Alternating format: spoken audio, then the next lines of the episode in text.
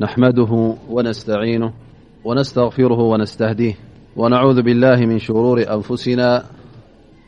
ومن سيئات أعمالنا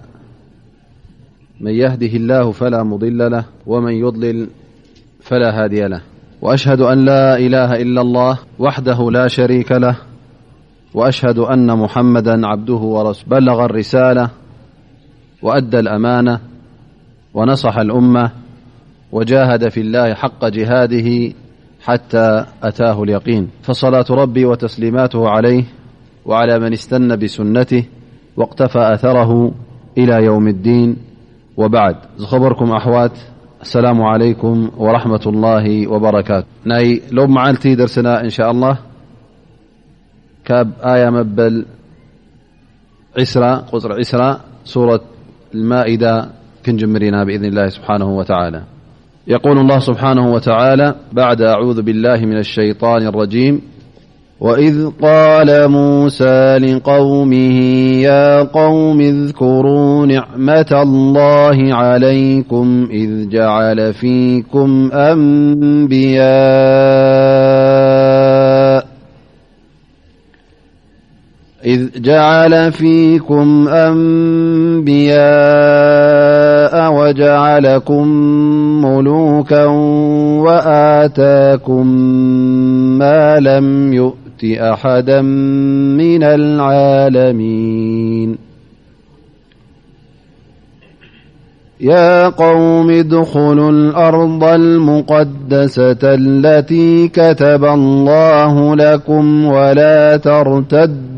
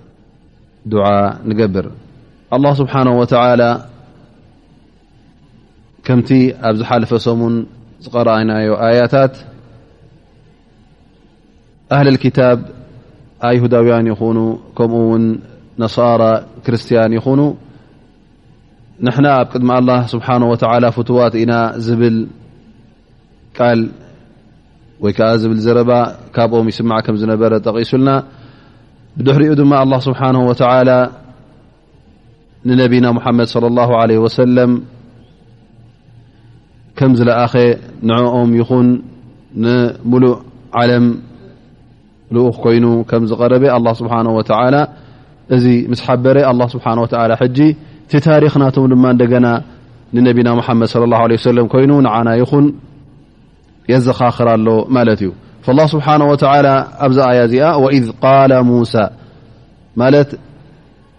ዘክር ያ ሙሓመድ ዘክሩ ኣንቱም ተኸተልቲ ነቢና ሙሓመድ صለ ላه ለ ወሰለም እዞም ሰባት እዚኦም ንሙሳ ለ ሰላም ንነብይ ላ ሙሳ ለ ሰላም እንታይ ዓይነት መልስታት ይምልስሉ ከም ዝነበሩ እንቲውን ትእዛዝ ካብ ኣላ ስብሓን ወተላ መፅኡ ናብኦም ከመሓላልፎ ከሎ እዞም ሰባት እዚኦም እንታይ ዓይነት መርገፅ ከም ዝነበሮም ኣላ ስብሓን ወተላ ነዚ ነጥብታት እዚ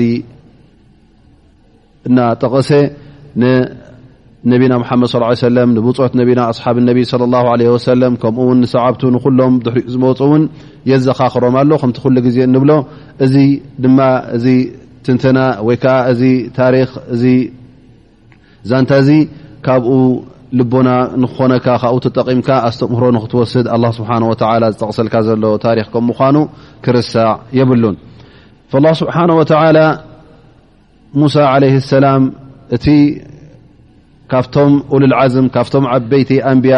ዝቁፅር እሱ እውን ፍልይ ዝበለ ኣላ ስብሓን ወተላ ንዕኡ ከም ተዛረቦ ውን ኣብ ቁርን እውን ጠቂሱልና ወከለመ ላሁ ሙሳ ተክሊማ ኣይ ኣላ ስብሓን ወተላ ንሙሳ ዓለ ሰላም ከም ተዛረቦ እውን ጠቂሱልና እዩ እዚ ስለዚ ኩሉ ግዜ ከሊሙ ላ ሙሳ ኢሉ እውን በዚ ሳጓዚ እውን ዝፍለጥ ይኸውን ማለት እዩ ፈነብላህ ሙሳ ነዞም ሰዓብቱ ነዞም ህዝቢ እዚኦም የዘኻኽሮም ማለት እዩ እቲ ዘዘኻኽሮም ነጥብታት ብዛዕባ ኣላ ስብሓን ወተላ ዝሃቦም ሽሻይ ኣላ ስብሓን ወተላ ዘውረደሎም ፀጋ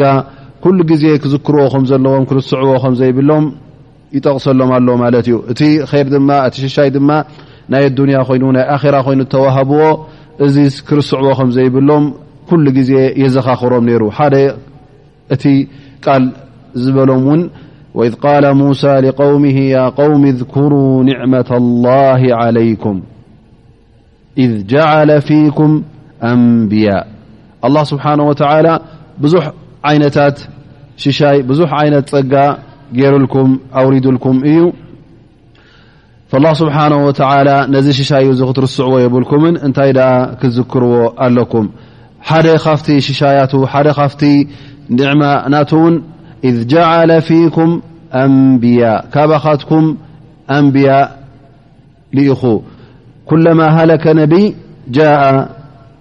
ነብይ ኣኸር ኣትበዐሁ ላ ስብሓን ወተላ ብነብይ ኣኸር ማለት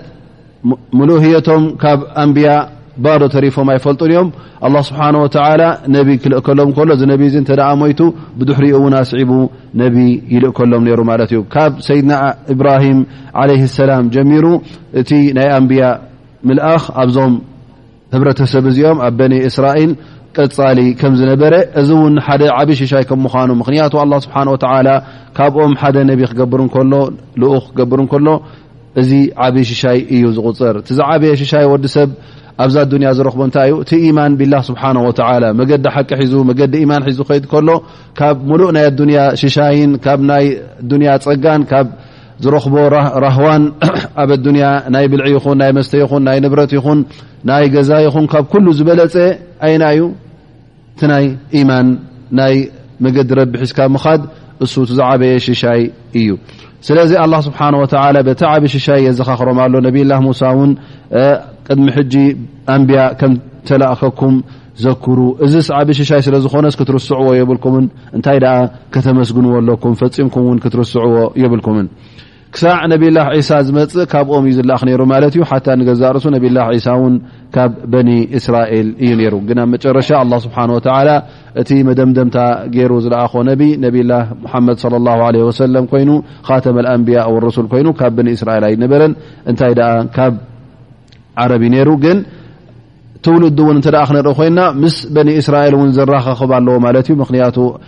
ናብ መን እዩ ትውልዱ ዝበፅሕ ናብ ነብላ እስማዒል ነብላ እስማዒል ሓዎም መን እዩ ስሓቅ ስሓቅን እስማዒልን ክልኦም ኣሕዋት እዮም በኒ እስራኤል ናብ መን እዮም ተጓዒዞም ዝኮኑ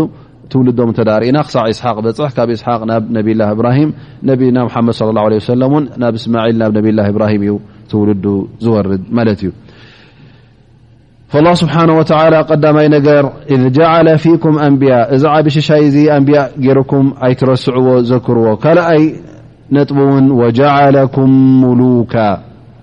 وجعلكم ملوك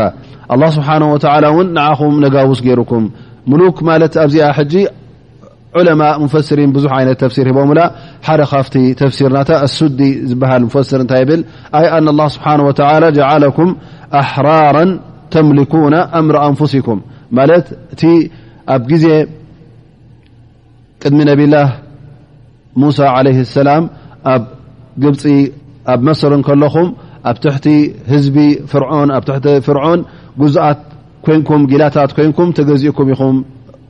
ትነብሩ ነርኩም ግን ኣላ ስብሓን ወተላ ካብ ፍርዖን ናፃ ኣውፅእኩም ብድሕሪ እዚ ነፍስኹም ትመልኩን ድላይኩም ክትገብሩን ኣላ ስብሓን ወተላ ኣፍቂዱልኩም ወይ ከዓ ካብቲ ዝነበርኩሞ ሕማቕ ዝኾነ ናብራ ናይ ጊላነት ናብራ ናይ ባርነት ናብራ ናብ ናይ ጭዋ ናብራ ናብ ናይ ናፅነት ስለ ዘመሓላፈኩም ሕጂ ንነብስኹም ባዕልኹም ትውንኑ ንንሕትኩም ባዕልኹም ትመርሑ ስለ ዝኾንኩም ኣላ ስብሓን ወተላ ካብቲ ናይ ትሑት ዝኾነ ቦታ ናብ ልዑል ቦታ ኣብፅሑኩም ማለት እዚ ሓደ ትርጉም ክብሉ ከለዉ ገለ ድማ ይብሉ ኣላ ስብሓን ወተላ ንበኒ እስራኤል መጀመርያ ንመጀመርያ ግዜ ከም ኣብ ገዝኦም ንሰራሕተኛ ንክገብሩ ብሰራሕተኛ ንክካየዱ እዚ ሽሻይ እዚ ዘፍቀደሎም ንዕኦም ስለ ዝኾነ እዚ እዩ ይብሉ ገለ ዑለማ ላ ስብሓን ወ ላ ኩሉ ሓል ሙሉከ ማለት ንግስነት ከም ዝሃቦም ገሊፁ ማለት እዩ እቲ ንግስነት እውን በብዓይነቱ ክኸውን ይኽእል እዩ እዚ ካብቲ ሓደ ንግስነት ክኸውን እንከሎ ወይ ከዓ ነቲ ዝምፅእ ዘሎ ንግስነት ይኸውን ብድሕሪ ዚ ነብላ ሙሳ ዝረኸብዎ ነነብሶም ባዕሎም ከመሓድሩ ነጋውዝ ኮይኖም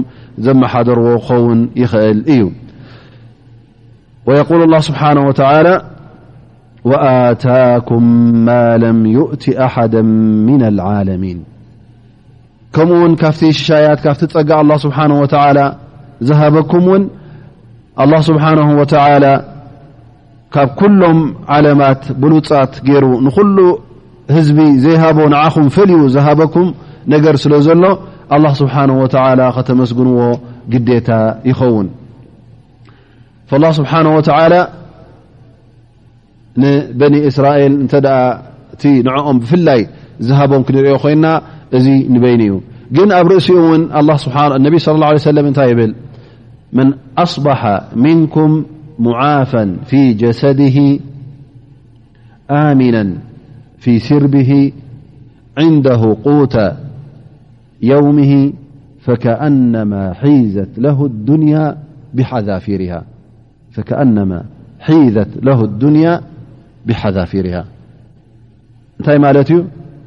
من أصبح منكم معፋا في جሰده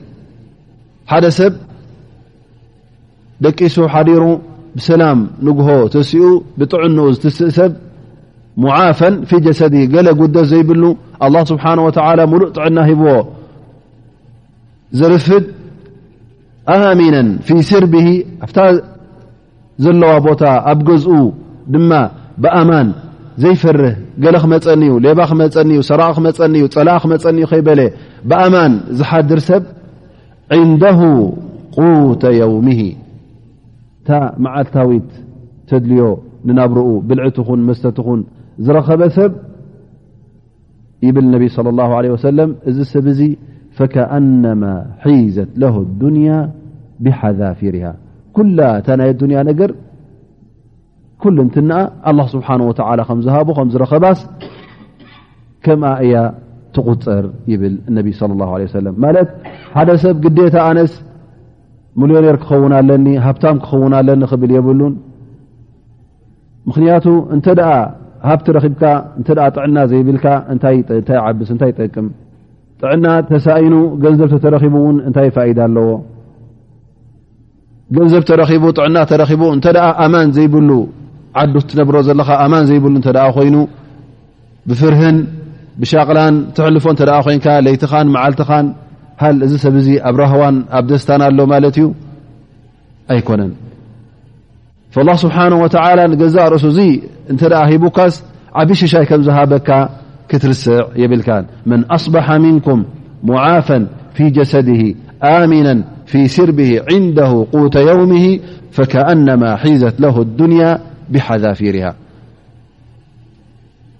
ስለዚ እቶም በኒ እስራኤል እውን ንገዛእ ርእሶም ተዳርኢና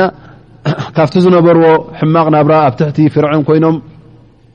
ባሮትን ናቱ ሰራሕተኛታት ናቱ ጊላታት ኮይኖም ዘሕልፍዎ ዝነበሩ ካብኡ ኣላ ስብሓን ወተላ ኣገላጊልዎም ካብኡ ወፂኦም እውን ብሰላም ንሱ ከይርከቦም ኣብ መንገዲ ኣላ ስብሓን ወተላ ንፍርዖን ኣጥፍእዎ ስለዚ ንሱ ንኸይርክቦም ፍርሃት የብሎምን እቲ ኣላ ስብሓን ወተላ ዝህቦም ዝነበረ እውን ምን ወሰልዋ ገይሩ ብልዖምን መስትኦምን ኮፍ ኢሎም እንከለዉ ናይ መዓልታዊ ሽሻይ ናይ መዓልታዊ ርዝቆም ኮፍ ኢሎም እንከለዉ ይመፆም ነይሩ ከይፈረሁ ከየብሉ እዚ ኩሉ ረኺቦም እንከለዉውን ንገዛእ ርእሱ እዚ እውን ዓብዪ ሽሻይ ከም ምኳኑ እዚ እውን ከም ዝረኸቡ ክርስዑ የብሎምን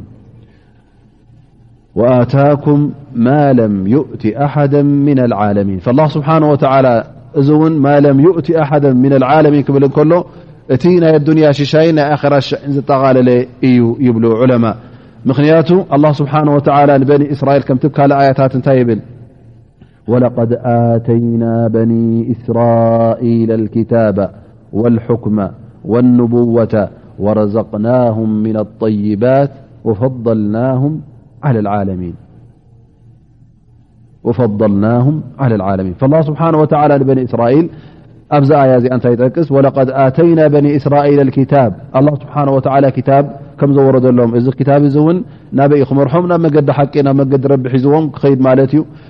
ኣብ ኣዱንያ ይኹን ኣብ ኣራ ይኹን ሰናይ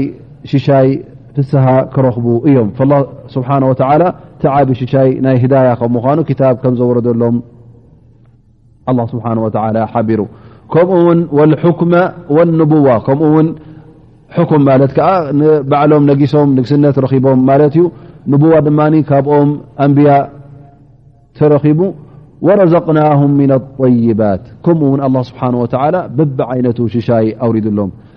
እዞም ሰባት እዚኦም እውን ኣብቲ ግዜ ጥፍኣት እንከለዉ ኣላ ስብሓን ወተላ ንርበዓ ዓመት ንቤት መቅድስ ንኸይኣት ቆፅዕዎም እንከሎ ኣብዚ ዓመታት እዚ እውን ኣላ ስብሓን ወተላ እቲ ብቢ ዓይነቱ ሽሻይ የውርደሎም ነይሩ ኣልመን ወሰልዋ ዝበሃል ካብ ሰማይ ወሪዱ ከይደኸሙን ከይ ተዓቡን ኣላ ስብሓን ወተላ በቢ ዓይነቱ ርዝቂ የውርደሎም ነይሩ ስለዚ እዞም ሰባት እዚኦም ኣላ ስብሓን ወተላ ከምቲ ኣብዛ ኣያ እዚኣ ዝበላ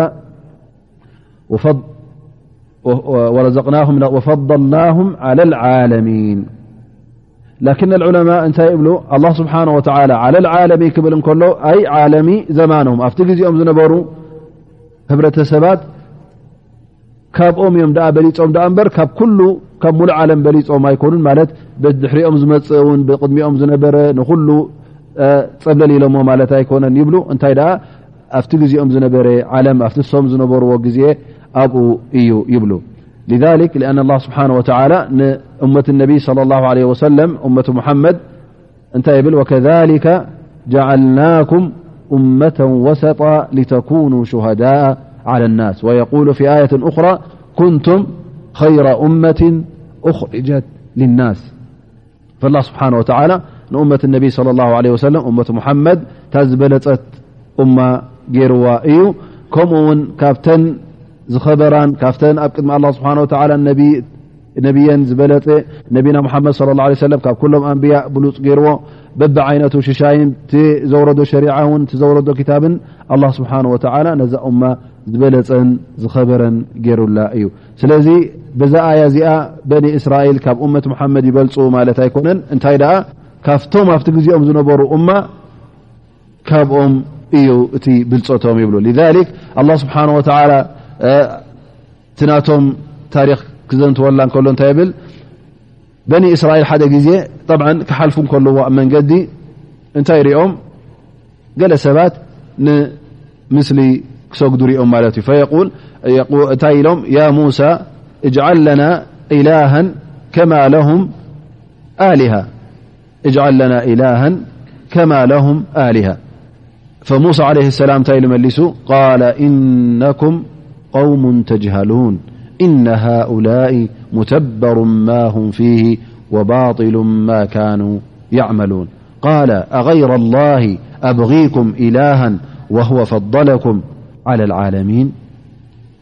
እዘ ኣላ ስብሓን ወተላ ሕጂ ኣብዛ ኣያ እዚኣ እንታይ ኢና ንርኢ ዘለና እቲ ፀበልትነት ናቶም እቲ ብልፀት ናቶም ምስቶም ኣብቲ ግዜኦም ዝነበሩ ምክንያቱ ኩሎም ኣብቲ ግዜኦም ዝነበሩ ኣብ ጥፍኣት ስለ ዝነበሩ ንስእልን ምስልን የምልኹ ስለ ዝነበሩ ኣብ ሽርክ ስለ ዝነበሩ እቲ ዘለዎ መገዲውን መገዲ ጥፍኣት ስለ ዝነበረ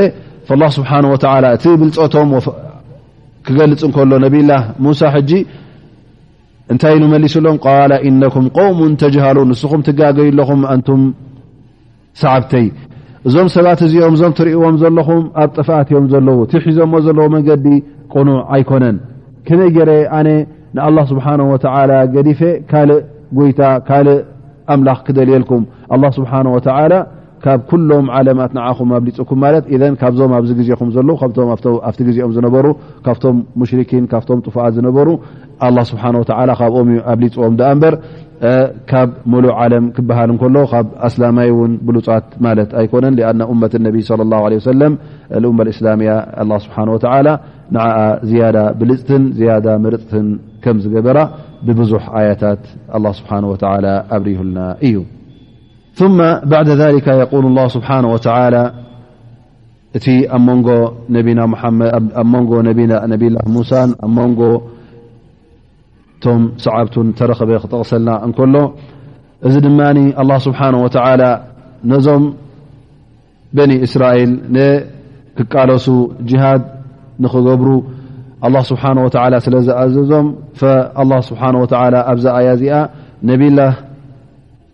ሙሳ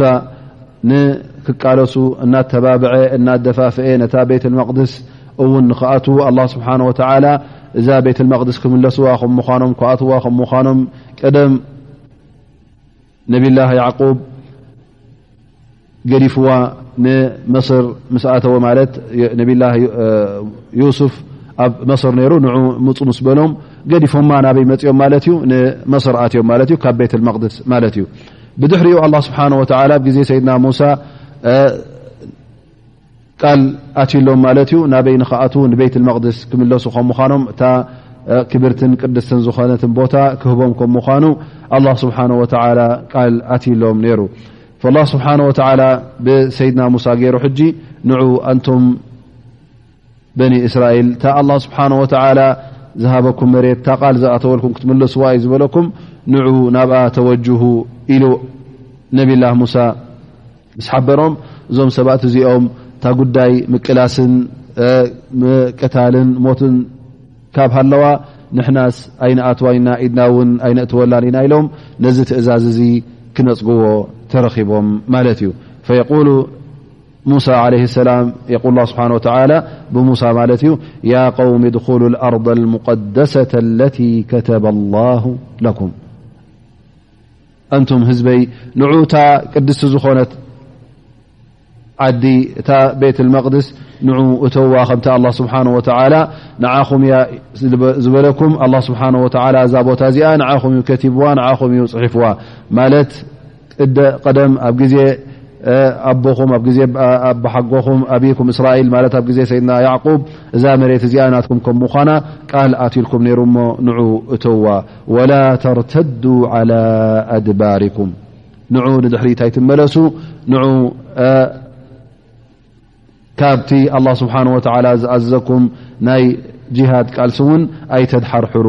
ኢሉ ነብላ ሙሳ እዚ ትእዛዝ እዚ የመሓላልፈሎም ማለት እዩ ወላ ተርተዱ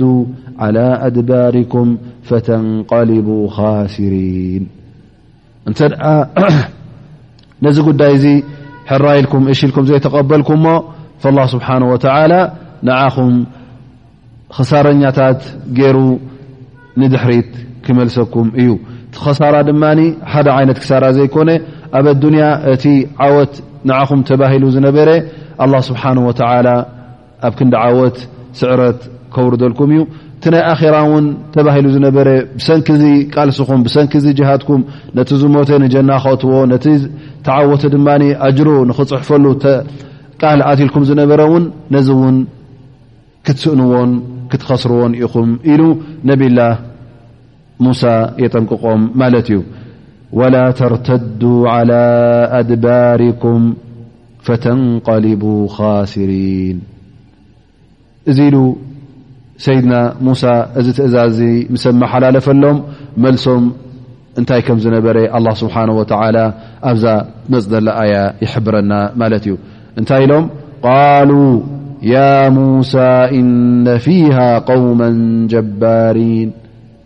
ወኢና ለን ነድኹለሃ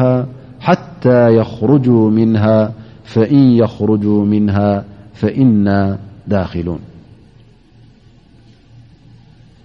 እዞም ሰባት እዚኦም ሕጂ ነብላ ሙሳ ካብቶም ሓለፍቲ ናቶም ካብቶም ንቀባእ ናቶም መሪፁ ነታ ዓዲ ክስልይዋ ይልእኮም ማለት እዩ ምስ ለኣኾም እዞም ሰባት እዚኦም ሕጂ እቶም ንቀባእ ማለት እዮም እቶም ዓሰርተ ክልተ ዝኾኑ መራሕቲ ናይቶም በኒ እስራኤል ቐቢላታት ማለት እዩ እሶም ከይዶም ምስ ረኣይዋ ተዓዲ መን ኣለዋ ከመይ ኣላ ክፈልጡ ምስ ከይዶም ክስልይዋ ፀኒሖም ምስ ተመለሱ እዞም ሰባት እዚኦም እንታይ ኢሎም ይምልሱ ማለት እዩ ያ ሙሳ እነ ፊሃ ቐውመን ጀባሪን ወኢና ለን ነድኩላሃ ሓታ የኽርጁ ምና ማለት እዛ ዓዲ እዚኣ ንሕና ስ ክንኣትዋ ኣይንኽእል ኢና ምኽንያቱ እቶም ኣብኣ ዘለዉ ብዛዕ ሃገር ዘለዉ ሰባት ሓያላት እዮም ኣላ ስብሓን ወተዓላ ፍልይ ዝበለ ሓይሊ ዝሃቦም እዩ ሓያል ቅልፅም ዘለዎም ኣካላቶም ገጅፍ ንሕና ዘይንኽእሎም ምሳና ዘይከውን እዩ እሞኒ ንሕናስ እዛ ዓዲ እዚኣ ፈፂምና ቅርብ ኢልና ወላ እውን ክንኣትዋ ኣይንኽእልን ኢና ክንኣትዋ እንተ ደኣ ኮይንና ገና ከይመፃናዮ ከለና እዞም ሰባት እዚኦም ካብኣ ክወፁ ኣለዎም እንተ ደኣ ወፂኦም ጥራያ ምስ ኮነት ንሕና ሸዓ ኢና ንኣቱ ደኣ እምበር ምዚኦም ስተቓሊስና ፈፂምና ኣይንወፆን ኢና ኢሎም ይኣብዩ ማለት እዩ እዚ ነብላ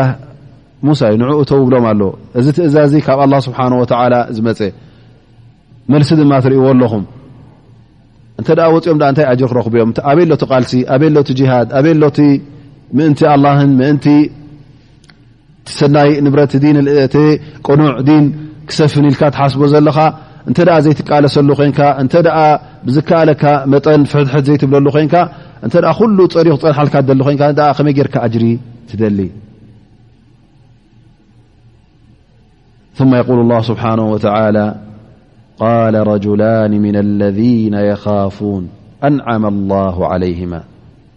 ግን ካብቶም ተላእኩ ካብዞም ሰባት እዚኦም ክልተ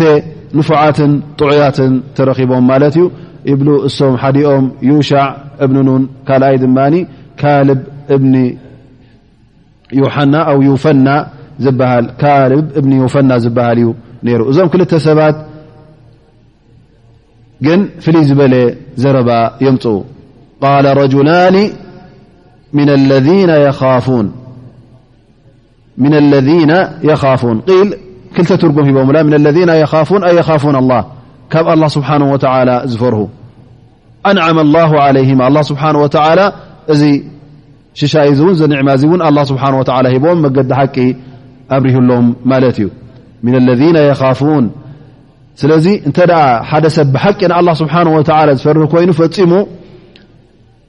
ካብ ዝኾነ ሰብ ኣይፈርህን እዩ ማለት እዩ እዞም ሰባት እዚኦም ናይ ብሓቂ ፍርህ ናይ ኣላ ነርዎም ማለት እዩ ስለዚ ካብቶም ፀላቶም ኣይፈርሁን እቶም ካልኦት ግን ናይ መን ፍርህ ነርዎም ማለት እዩ ዝያዳ ካብ ኣላ ስብሓ ንመን ፈርሁ ነሮም ነቶም ሰባት ፈርሁ ነሮም ማለት እዩ እዘን ፍርሂ ካብ ኣላን ፍርሂ ካብ ሰብን ክልትኡ እውን እንታይ ማለት እዩ ኣይራኸብን እዩ ካብ ሰብ እንተ ትፈርህ ኮንካ ኩሉ ግዜ ፍርህ ናይ ኣላ ስብሓን ወተዓላ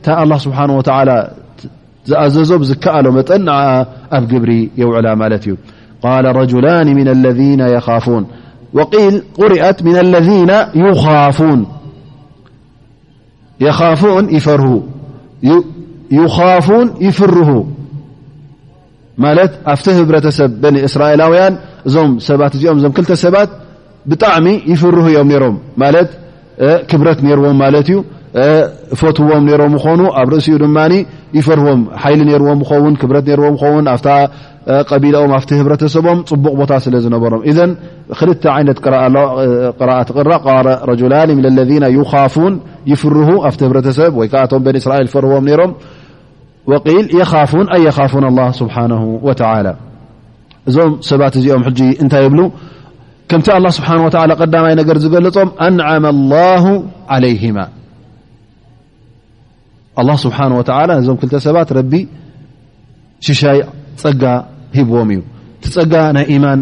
ከምቲ ዝበልናዮ ዝዓበየ ፀጋ የናዩ ፀጋ ናይ ኢማን ማለት እዩ እዞም ሰባት እዚኦም እቲ ዝዓበየ ፀጋ ሒዞሞ ዝነበሩ ናይ ኢማን እዩ ነይሩ ማለት እዩ ላ ስብሓን ወተላ ከምዚ ስለ ዝኾኑ እንታይ ዝበለ ዘረባ ኣምፅኦም እቲ ዘረባ ናይቶም ዝሓለፉ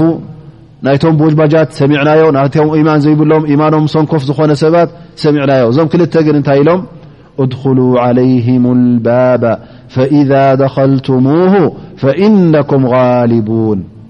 ዓላ ላህ ፈተወከሉ እንኩንቱም ሙእምኒን እቲ ኢማን እዞም ክልተ ሰባት በፂሖምዎ ዝነበሩ ተወኩል ናብ ኣላ ስብሓን ወተላ በፂሖምዎ ዝነበሩ እንተ ርእና እቲኦም ድማ እቲ ዝነበሮም ሰንኳፍ ዝኾነ ኢማን እተ ርእና ኣብዚ ይበርሃልና ማለት እዩ እዚኦም ክቱር ኢማኖም እንታይ የብሉ ኣለዉ እድኩሉ ዓለይህም ልባብ ኣላ ስብሓን ወተላ እዛ መሬት እዚኣ እዛ ዓዲ እዚኣ ናትኩም እያ ኢሉና እንድዩ ቃልኣት ኢልና እንድዩ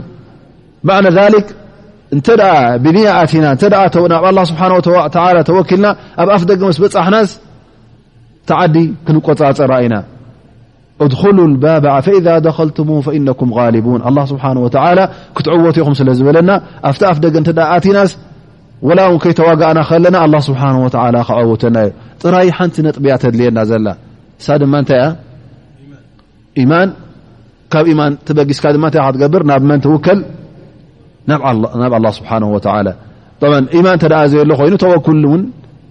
የለን ማለት እዩ ዓላ ላ ፈተወከሉ እን ኩንቱም ሙእምኒን ሓቀኛታት በዓል ሰብ ኢማን እንተ ኮይንኩም ናብ መን እዮም ክትውከሉ ዘለኹም ናብ መን እዮም ክትፅግዑ ዘለኩም ናብ ኣላ ስብሓን ወላ ናብኡ እተ ዝፀጊዕኩም ታዓዲ ኣብኣ ከላ ብኣፍ ደገ እቱ ምስ በልኩም ትፅራኢኹም ባዕሉ ክሰዓርዩ ባዕሉ ክበርር እዩ ኢሎም ክሳዕ ክንዲዚ ኢማን ነይርዎም ማለት እዩ እዘን ብሓቂ ናብ ኣላ ስብሓን ወ ተወክል ዝገብር ሰብ ኩሉ ግዜ ኣላ ስብሓን ወላ እውን ክዐወቶ እዩ ነቢ ስለ ላ ሰለም እንታይ ይብል ለው ተተወከሉና ላ ላ ሓቃ ተወኩል ለረዘቀኩም ከማ የርዝቁ ጠይር ናይ ብሓቂ ኢማ ነሩና እሞ ናብ ኣላ ስብሓን ወተላ ኩሉ ግዜ ተወኩል ንገብር ንኸውንሲ ልክዕ ከምዘን ጨራሩ ኣላ ስብሓን ወተላ መዓልታዊ ርዝቀን ዘይስእና ክሳዕ እታ ዕምረን ተኣክል ተዓድሚአን ተኣክል ብጥሜት ጭሩ ሞይታ ሰሚዕና ይንፈልጠን ኢና ኣብትን ኣብትን ከይዳ ኣላ ስብሓን ወተላ ርዝቃ ይህባ እዩ ስለዚ ናይ ብሓቂ ኢማን ነይርኩም ተዝኸውንስ ልክ ከምዚ ነዘን ጭራሩ ኣላ ስብሓን ወተላ ርዝቂ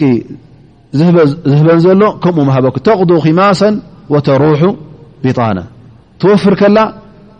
ኺማስ ማለት ጥራያ ጥራይ ከብዳ ማለት እዩ ጥራይ ከብዳ ድቅስ ሓዲራ ትወፍር ምሸት ክትመለስ ከላፍታ ስፍራ እንታይ ትምለስ ፀጊባ ትምለስ ብ እዚኣ እተ ረኪብካ ዓቢ ርቂ እዩ ከምዛ ነቢ ስ ሰለ ዝበላ ንደ ቁቱ የውሚ መዓልታዊ ድራር እለቱ ዝረክብ ሰብ እዚ ሃፍታም እዩ ሽግር የብሉ ኣ ስብሓ መዓልታዊ ድራር እለትካ እተ ሂቡካ ካብ ሰብ ዘይትደሊ እተ ኮይንካ ካብዚ ዝዓቢ እንታይ ኣሎ ምስ ጥዕናኻን ምስ ኣማን ዝኾነ ዓድን ኣማን ዝኾነ ገዛ እተ ረኪብካ እዚ እውን ዝርከብ ዓበይ ነገር እዩ እዘ ኣብዚ ኣያ እዚኣ እንታይ ዘርእየና እዞም ሰባት እዚኦም ተወኩል ዝበሃል ናይ ኢማን ዝበሃል ኣብ ልቦም ከም ዘይነበረ ካብ ናብ ኣላ ስብሓን ወተላ እቲ ሓቀኛ ኢማን ርሑቓት ከም ዝነበሩ ይበርሃልና ማለት እዩ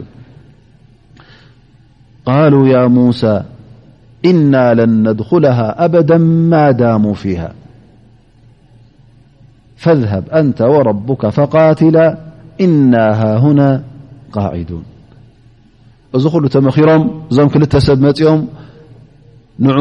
ናብ ረቢ ተወከሉ ረቢ ፍርሁ ሰብ ኢማን ኢኹም ነቢ ምሳኹም ኣሎ ቃል ኣትልኩም ዩ ኣላ ስብሓን ወተላ ኢልዎም እዚ ኩሉ ተዛሪቦም ክትዕወቱ ኢኹም ጥራይ ኣብቲ ኣፍ ደገ ኪዱ ጥራይ ኣብቲ ኣፍ ደገ ብፅሑ እንተ ደኣ በፂሕኩም እቲ ሓይሎም ኣይዕጀብኩም ኣላ ስብሓን ወተላ ባዕሉ ዩ ክዕውተኩም ቃል ዝኣተወኩም ኣላ ስብሓን ወተላ ፈፂሙ ቃሉ ኣይ ገድፍን እዩ ቃሉ ኣብታ ዝበላ መዓልትን ኣብታ ዝበላ ሰዓትን እያ እትኸውን ኣላ ስብሓን ወተላ ፈፂሙ ኣይጠልምን እዩ ዝብል እዚ ኩሉ ዘረባ እናሰምዑ ከለዉ እዞም ሰባት እዚኦም እዚ ኩሉ ዘረባ ኣይጠቐሙን እንታይ ክብሉ ጀሚሮም ቃሉ ያ ሙሳ እና ለነድኩልሃ ኣበደን ምኸር ኣይትምከር ተዛረብ ኣይትዛረብ ንሕና ፈፂምና ኣበደን ፈፂምና ይንኣትዋ ኢና ዛ ዓዲ እዚኣ ማዳሙ ፍያ እተ እዞም ሰባት ኣለው ንሕና ቅርብ ኣይድብላ ኢና ብሉ ኣለዎ ማለት እዩ ኣበደን ማዳሙ ፍያ ኣለው እ ንሕና ይንኣትዋ ኢና ፍቶ ፅላእ ኣንቱም ረቢ ፍርሁ ኣንቱም ከምዚ ማፊ ኣብ መጨረሻ ኸላስ እቲ ናቶም ጥፍኣትን እቲ ናቶም ጁህልን ኣበይ ይበርህ ማለት እዩ ፈዝሃብ ኣንተ ወረቡካ ፈቃትላ ሙሸ ረቢ ዩ ወዒዱና እስኻ ድማ ብኡ ተኣምን እንዲኻ ኪድ እስኻን ጎይታኻን ተዋጊእኩም ናፃውፅእኩም ዳሕራይ ንሕና ንኣትዋ እንዙሩ ያክዋና እቲ ስድነት ክሳዕ ክንደይ ከም ዝበፅሐ ማለት እዩ ፈዝሃብ ኣንተ ወረቡካ ሓታ ኣንተ ወረቡና ኣይበሉን ን ከም ፅያፍ ነገር ናብ ልጊቦማ እስኻን ጎይታኻን እዚኦም ሕጂ ቶም ተኸተልቱን ቶም ሰዓብቱን እዮም ተባሂሎም ሹፍ እዚ ኩሉ ነብላ ሙሳ ካብ በኒ እስራኤል ኣውፅዎም መሪሕዎም እናኸደ ከሎ እዚ ኩሉ እናረኣዩ እከለዉ ኣላ ስብሓን ወላ እተ ህዳያ ዘይደልየልካ ኮይዘይደለየልካ ጠ ስብሓ ጥፍኣት ከትብልካ ኣብ ጥፍኣት ኢኻ ፈዝሃብ ኣንታ ወረቡካ ፈቃትላ እና ሃሁና ቃዒዱን ንሕና ኣብዛ ሰላማዊ ዝኾነት ቦታ ኣብኣ ኮፍ ኢልና ኣለና ኣብኣ ክንፀንሓኩም ኢና ኪዱ ንስኻን ጎይታኻን ተዋጊእኩም ናፃውፁልና ዝዓዲ ንሕና ኣብ ድሕሪያ ክንኣትዋ ኢና ኣብሽሩ ይብሉ ማለት እዩ እዚ ድማ እንታይ እቲ ዝኸፍአን ዝበእሰን ካብቲ ኣላ ስብሓን ወተላ ዝኣዘዞም ንዕኡ ኣድሓርሒሮም ንድሕሪት ተመሊሶም ማለት እዩ ኣላ ስብሓን ወተላ ብ እዛ ቃል እዚኣ ኣቕጢዓቶም እያ ተቐፂዖም እዮም ግን ኣብቲ ናቶም መቕፃዕቲ ከይበፃሕና ከለና ከምቲ ዝበልናዮ እዚ ከም ዝኣመሰለ ዛንታ ናይ በኒ እስራኤል ኣላ ስብሓን ወተላ ኣብ ቁርን ከስፍሮ ከሎ ስለምንታይ ኣስፊር ወኢልና ተመክሮ ክኾነና ኣስተምህሮ ንክኸውን ማለት እዩ صሓበት ነቢ صለ ላ ለ ወሰለም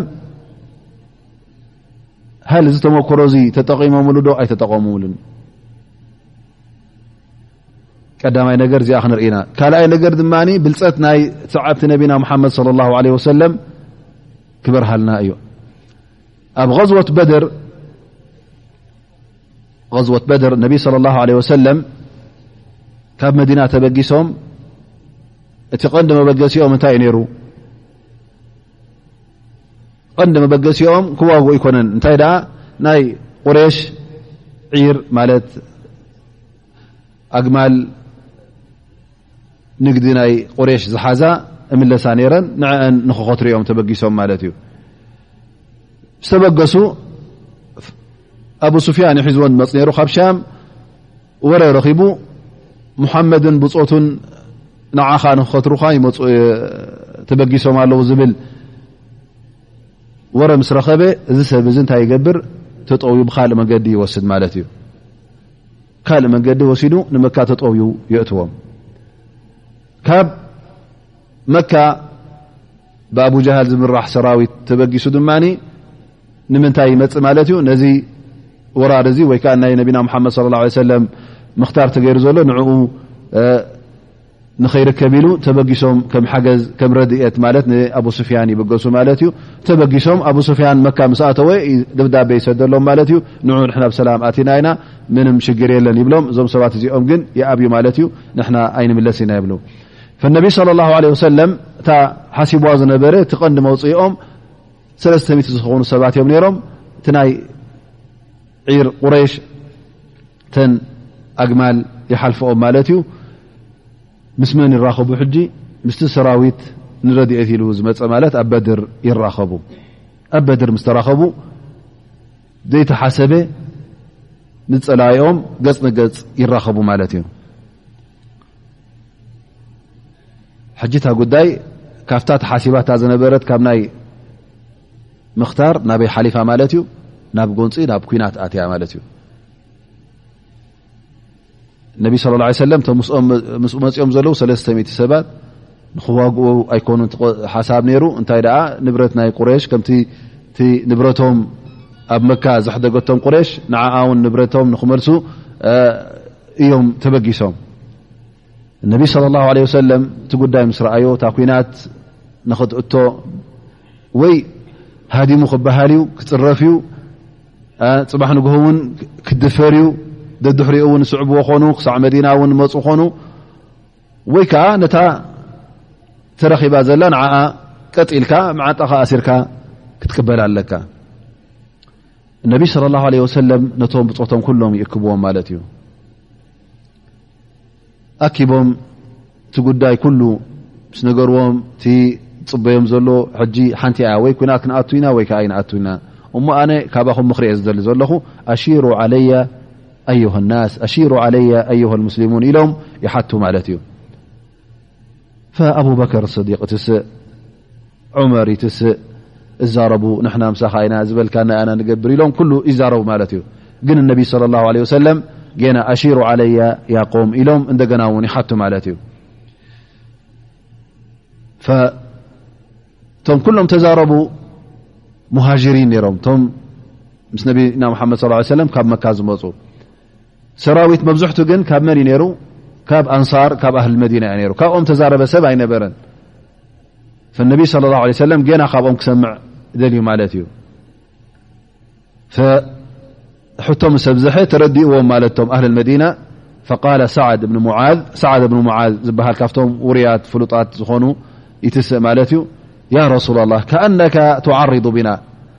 يا رسول الله نعن سمع ل ن م كني س تزربم نن زرب طلب رك ل فوالذي بعثك بالحق لو استعرضت بنا هذا البحر فخذته لخذناه معك ما تخلف منا رجل واحد وما نكره أن تلقى بنا عدونا غدا إنا لصبر في الحرب صدق في اللقاء لعل الله أن يريك منا ما تقر به عينك فسر بنا على بركة الله النبي صلى الله عليه سلم يمالت ይሳ ሳዕድ ብን ሙዓዝ እንታይ ኢሉ ያ ረሱላ ላ ንዓና ኢኻ ደሊ ዘለኻ መሰኒ ዘረባና ክትሰምዕ ፈወለذ በዓثካ ብልሓቅ በቲ ብሓቂ ንዓኻ ዝለኣኸ ኣላ ስብሓን ወተላ ብኡ እምሕል ይብል ማለት እዩ እሞ ሎም መዓልቲ እዚ ባሕሪ ትሪኦ ዘለኻ ን ነዚ ባሕሪ እዚ ንእተዎ እተ ኢልካና ኣነ ንሕና ኩላና ደድሕሬኻ ኣብዚ ባሕሪ መእተና ነርና ምሳኻ ፈፂሞ ዝኾነ ይኹን ሰብ ካባና ውን ድሕር ኣይክብልን እዩ ፅባሕ ንግሆ ውን ምዞም ፀላእትና እተ ኣብ ኩናት ከተእትወና ኮንካ እዚ ውን ንና ውን ንፀልኦ ኣይኮነን ንና ውን ንኣብዮ ኣይኮነን ክትርእየና ኢኻ ውን ንና ኣብ ኩናት ብጣዕሚ ፅኑዓት ከም ምኳና እተተዋጊእና ውን ብሓቂ ከም እንዋጋእ ከምኡ ውን ኣላ ስብሓን ወተላ ምናልባሽ ፅባሕ ንግሆ እንተ ተዋጊእና እውን ንዓኻ ደስ ዘብልን ንዓኻ ዘሐጉስን የርእካ ይኸውን ስለዚ ፈሲር ቢና ዓላ በረከት ላ ኣብቲ ደስ ዝበለካ ቦታ ኣብቲ ንስኻ ይሓይሽ ትብሎ ንስኻ ትመርፆ ናብኡ መሪሕካ ውሰደና ይብል ማለት እዩ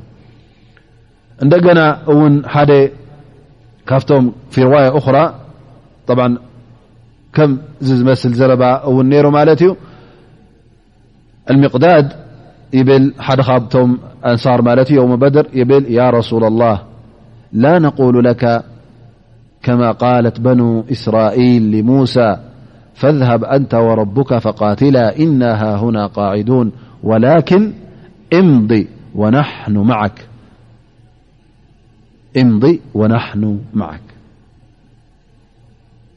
ኣስሓባ ርድዋን ላ ዓለይህም እቲ ታሪክ ናይ በኒ እስራኤል ዘኪሮም ማለት እዩ ኣብዚ ቦታ እዚ ንሕና ዝፈፂምና ከምቲ በኒ እስራኤል ንሙሳ ዝበልዎ ንስኻን ጎይታኻን ክዱ ተዋግኡ ንሕና ኣብዚ ክንፀንሓካ ኢና ዝበልዎ ንሕና ፈፂምና ከምዝኣመሰለ ዘረባ ኣይነወፅእን ኢና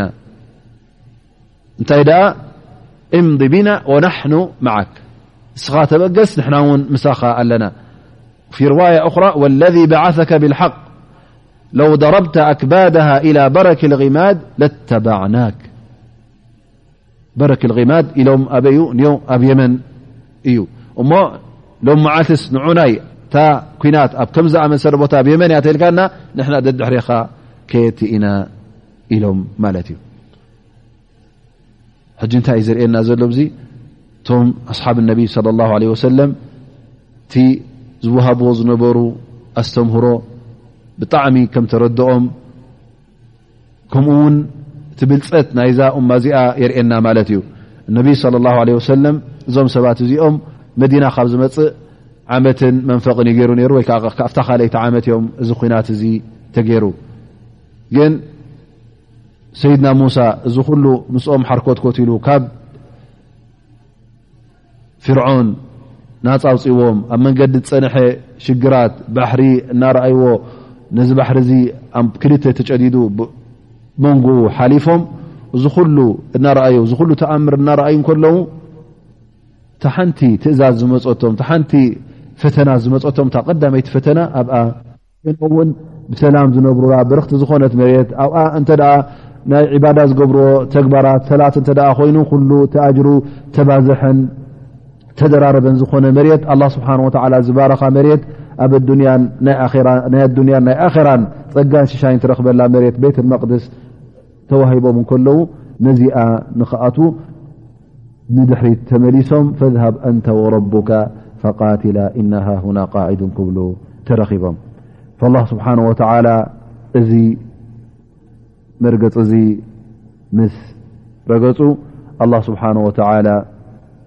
ቀዳማይ ነገር ሙሳ ዓለ ሰላም ነዚ ነገር እውን ምስ ሰምዐ ኣብ መጨረሻ እቲ ጉዳይ ካብ ኢዱ ከም ዝወፀአ ንኣላ ስብሓን ወተላ ዱዓ ይገብር ማለት እዩ ቃል ረቢ እኒ ላ ኣምልኩ ኢላ ነፍሲ ወኣኺ ኣንተ ረቢ ኣነ እዞም ሰባት እዚኦም ዝበሉኒ ሰሚዕካዮ ኣለኻ ኣነ ድማ ብጀካ ነፍሰይን ሓወይን ትምሳይ ዝኣምነ ካብኡ ንላዕሊ ክመልኽ ኣይክእልን እየ እዚኦም ሰባት እዚኦም ተዛሪበዮም ምዝራእ ዘረባይ ምስማ ኣብዮሞ ፈፍሩቅ በይነና ወበይነ ልقውሚ ፋስقን እንታ ረቢ ንዓይን ነዚኦምንሲ ኣብ መንጎና ኣቲኻ ፍረደልና ፍትሒ ግበረልና እቲ መንጎና ዘሎ ሽግር ፍትሓልና ኢሉ ናብ ኣላ ስብሓን ወተላ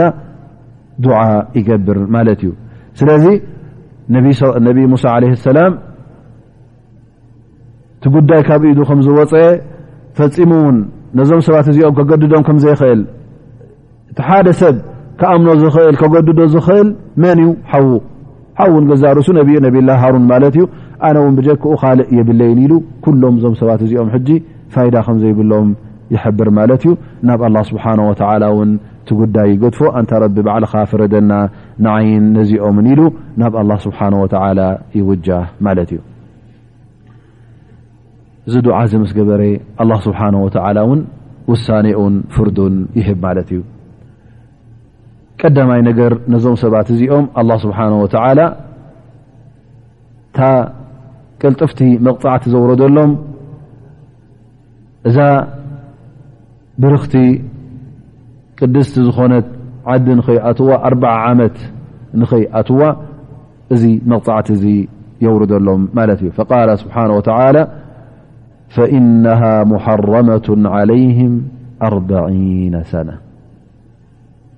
ፈኢነሃ ሙሓረመቱ ዓለይህም ኣርበዒነ ሰነ የቲሁነ ፊ ኣርض ንኣርበዓ ዓመት ዝኸውን እታ ክኣትዋ ተሓሲባ ዝነበረት ኣላ ስብሓን ወተላ እታ መቕፃዕቲ ዘውረደሎም እዞም ሰባት እዚኦም ኣርበዓ ዓመት ኣብ ምድረበዳ ንክጠፍኡ ፈሪድዎም ማለት እዩ ይኸሉ ይኸሉ ኣላ ስብሓን ወላ ተዓዲ ንክኣትዋ ዩ ቆፂርዎም ነሩ ካብ ግብፂ ካብ መስር ምስ ወፁ ንቤት መቅድስ ንክኸዱ ዩ ነሩ ሓሳብ እሶም ድማ ንሕና ስዚኣ ፈፂም ናይ ንኣትዋ ናትኦም ከይወፁ ምስ በሉ ኣላ ስብሓን ወተላ ኣርባ ዓመት ኣብዛ ንእሽተይ ምድረ በዳ ኣብኣ ንክጠፍኡ ትኽልካ ትኽትካያት መንገዲ ኣርባ ዓመት እውን ኣየድልዮን እዩ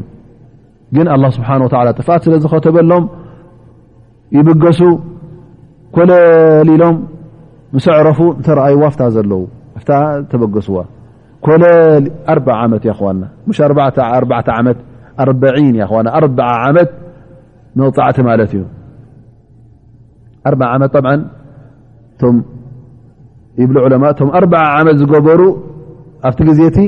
ንኣርዓ ዓመት ዝፀንሑ ኩሎም እቶም ዓበይቲ ጥሕጂ እንታይ ኮይኖም ማለት እዩ ጠፊኦም ኣ እዚኦም ኣስለን ር የብሎምን ማለት እዩ ሓዱሽ ወለዶ ግዴታ ክውለድ ኣለዎ ማለት እዩ እዚ ሓዱሽ ወለዶ ድማ ኣብ ትሕቲ ነብላ ሙሳ ተመልመለ ኣብ ተውሒድ ኣብ ኢማን ተመልመለ እቲ ናይ ቀደም ዝነብርዎ ዝነበሩ ኣብ ሕማቕ ናብራ እቲኦም ምናልባሽ እቲ ናይ ውርደትን ለሚዶሞ ማለት እዩ ናይ ውርደትን ናይ ሕስረትን ናብራ ኣብ ትሕቲ ፍርዓን ዝነብርዎ ዝነበሩ እቲ ናብራቲ ደስ ዝብሎም ነሩ ግዲ ኮይኑ ወይ ከዓ ካብኡ ተጠባያቶም ናይ ድኽመት ቃልሲ ዘይብሉ ናይ ክብረት ዘይፈቱ ኮይኑ ግዲ ኮይኑ እዞም ሰባት እዚኦም ነዚ ኣይተቐበልዎን ላ ስብሓን ወተላ ንኣርዓ ዓመት እዛ ዓዲ እዚኣ ከም ዝሓረመሎም ይሕብር ማለት እዩ ኣርዓ ዓመት ምስ ሓለፈት ዮሻዕ ነብላ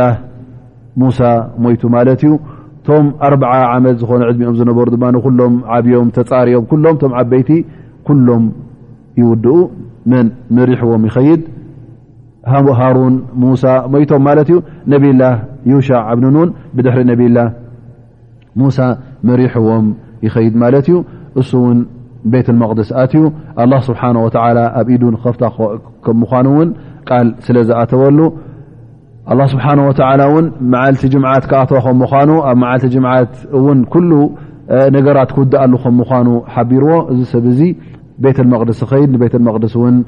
የኽብባ ምስ ኣኽበባ ጅምዓት መዓልቲ ይኣትዋ ድሕሪ ዓስሪ ማለት እዩ ድሕሪ ዓስሪቲ ኩናት ምስ ተኻየደ ፀሓይ እውን ክትዓርብ ቀሪባ እንታይ ይብል እዚ ሰብ እዚ ኣላ ስብሓ ፅባሒታ ቀዳሚ ቀዳም ኣብ በኒ እስራኤል ኣብ እስራኤላውያን ክቡር መዓልቲ ስለ ዝኾነ ኣይሰርሑን እዮም ኣይዋግኡን ኣይብሉን ነብላ ዩሻዓ ብንንውል ነዛ ፀሓይ እዚኣ ይዛረባ እነኪ ማእሙራ ወእኒ ማእሙር እስኺ ኣላ ስብሓን ወተላ ኣዚዙ ክትኸል ኣለኻ ኣነ እውን ኣላ ስብሓን ወተላ ኣዚዙኒ እዩ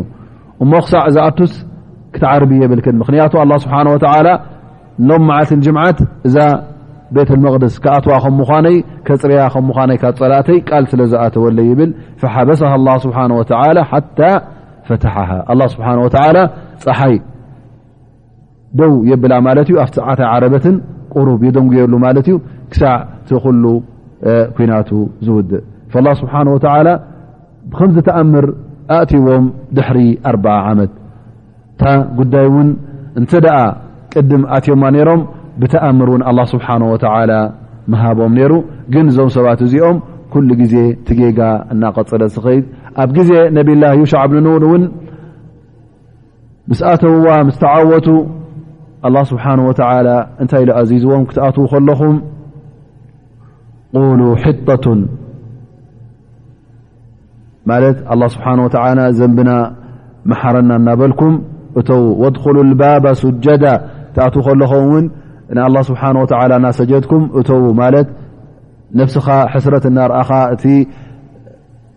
ፈድሊ ወይ ከዓ እቲ ሽሻይ እቲ ር ተዓወት ካብ ላ ስብሓ ወ ከምዝኣተወ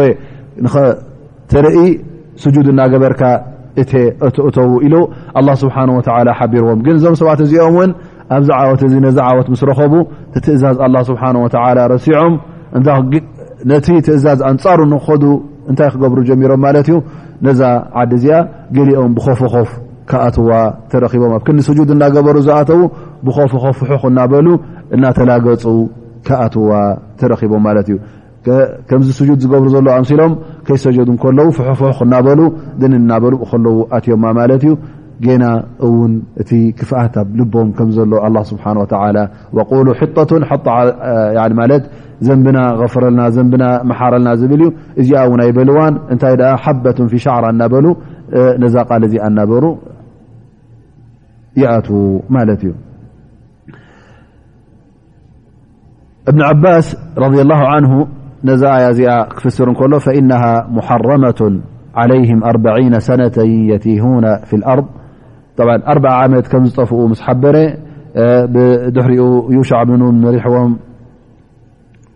ከም ዝኣተዉ ምስ ጠቐሰ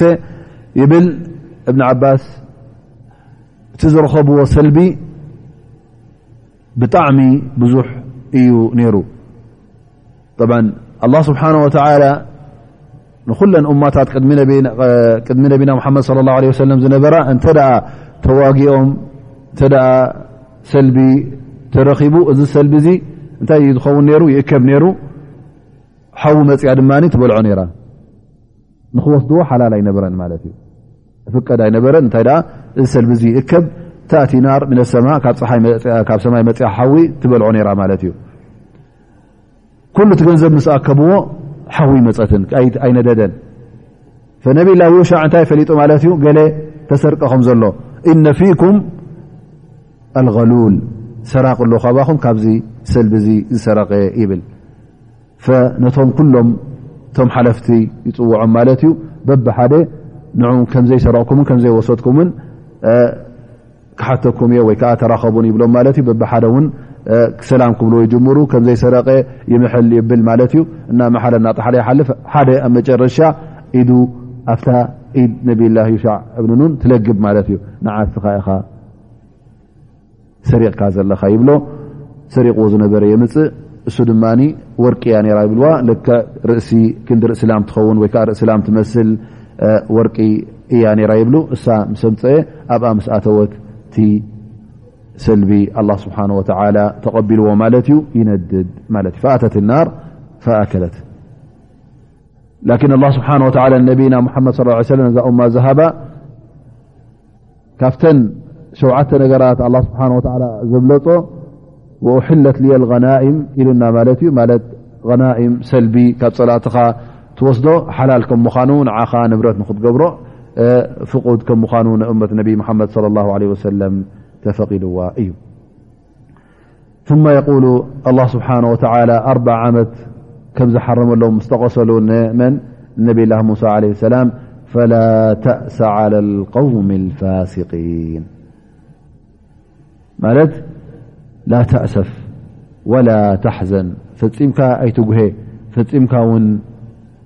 ኣይትሕዘነሎም ይብሎ ማለት እዩ ምክንያቱ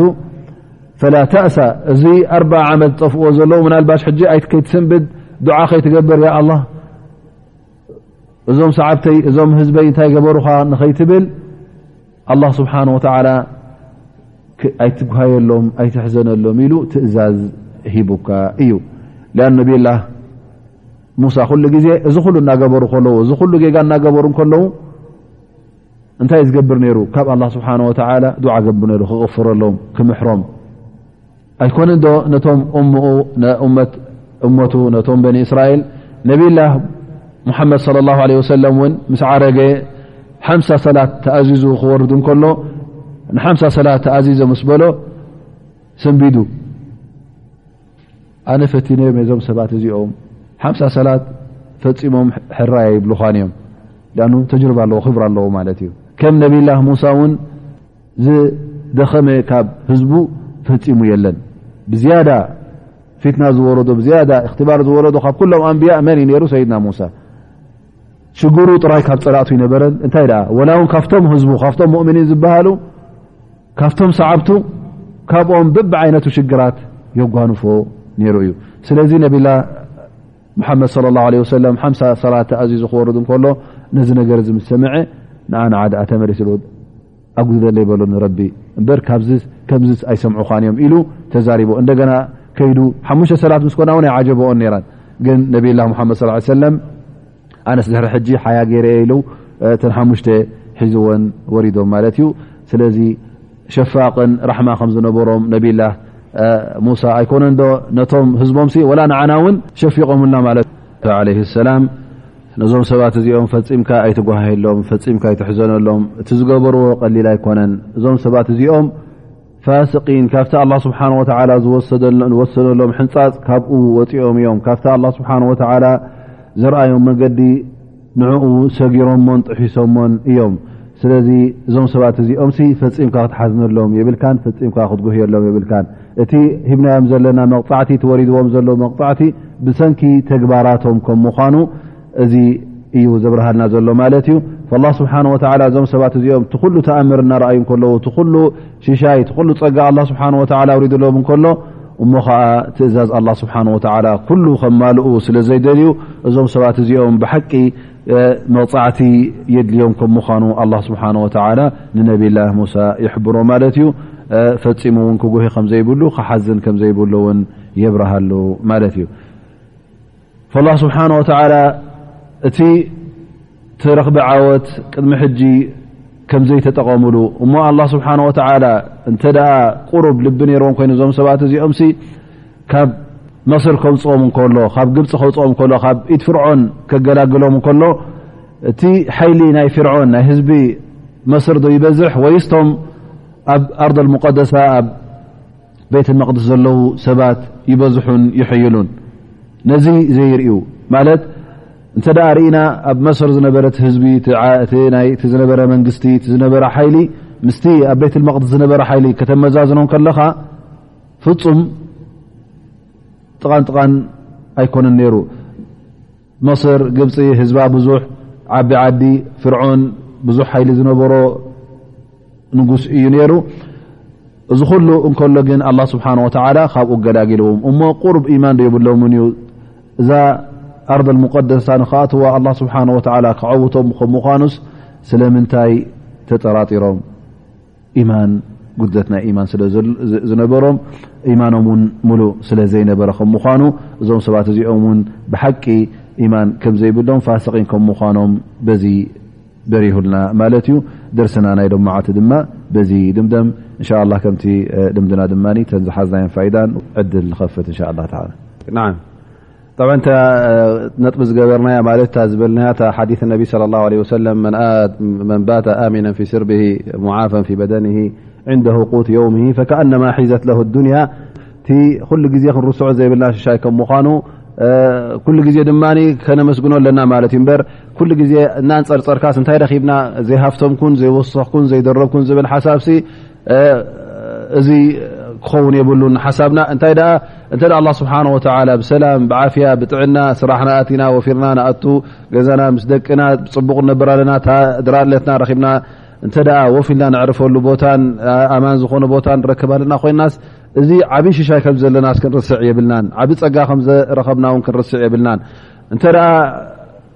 ክሳዕ ኣላ ስብሓን ወተላ ገለ ዘጉድለና ካብቲ ጥዕናና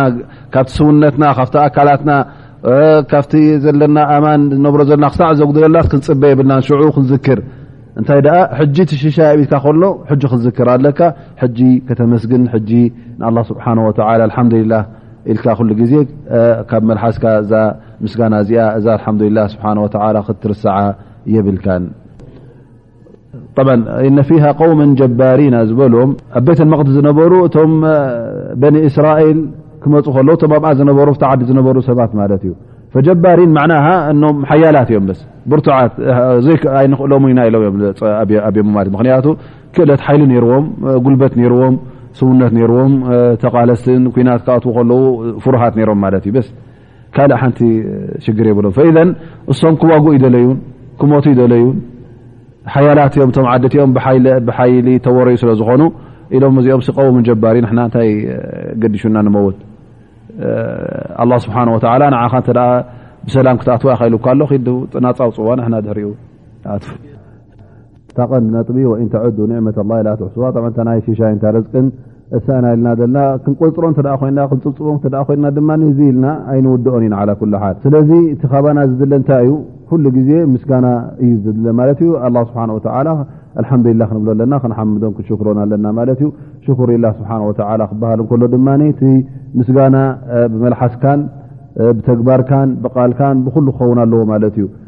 ምክንያቱ ኣልሓምዱላ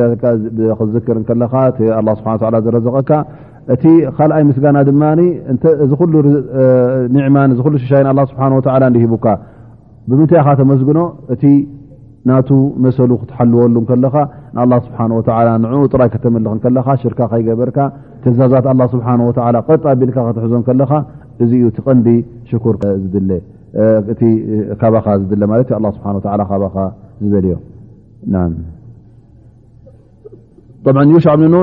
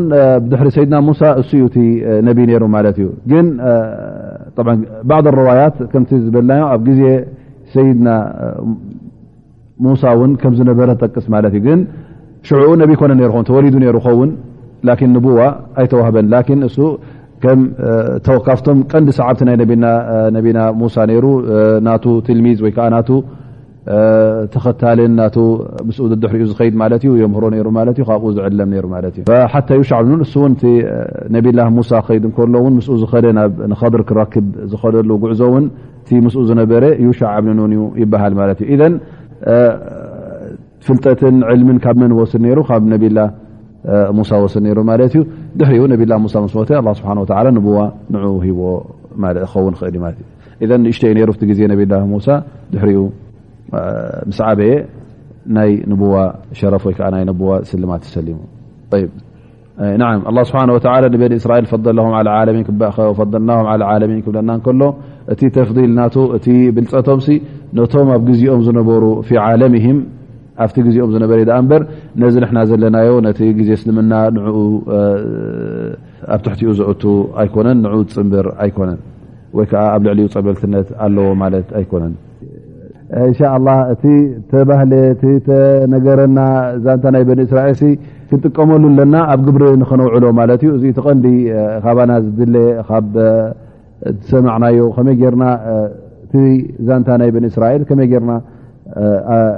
ካብኡ ተጠቂምና ኣስተምህሮ ይኮነናን ተመክሮ ይኮነናን ማለት እዩ ኣክበሩ ኒም ኣዕظሙ ኒም ተና ፊ ስብሓ ለይና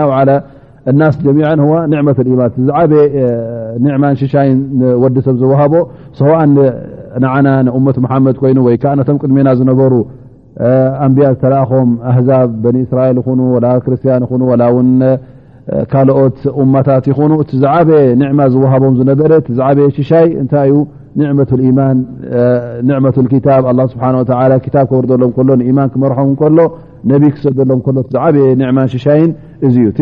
ናይ ኣዱንያ ነገር ናይ ዓወትን ካልእ ንብልዕን መስተን ኮይኑ እቲ ካልእ ናይ ንግስነት ነገር እዚ ተወሳኺ ዳኣ እንበር ትቐንዲ ኒዕማን ዝዓበየ ሽሻንሲ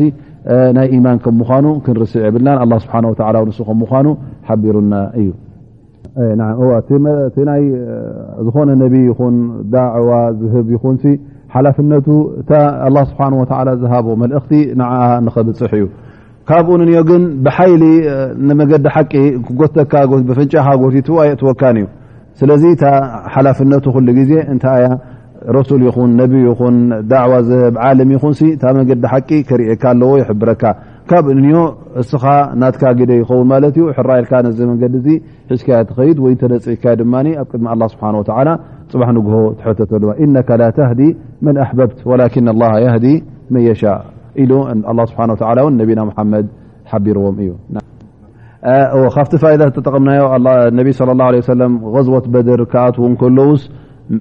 እቶም ሰራዊት ምስኦም ዝነበሩ ከም ዘማኸርዎም ርኢና ማለት እዩ እንታይ ዘርእየና ኣነቢ ለ ላ ለ ወሰለም ዝኾነ ይኹን ጉዳይ ወላ ባዕሎም ነቢይ እንከለዉ እሶም ዝበልዎ ሕራይ ክብልዎም ዝሰምዕዎም እከለዉ እናፈለጡ ከለዉ ግን ኩሉ ግዜ ነቶም ብፆቶም ነቶም ሰዓብቶም የማኸርዎም ነሮም ማለት እዩ እዚ ጉዳይ ድማ እንታይ ትምህርቲ ንወስዶ ማለት እዩ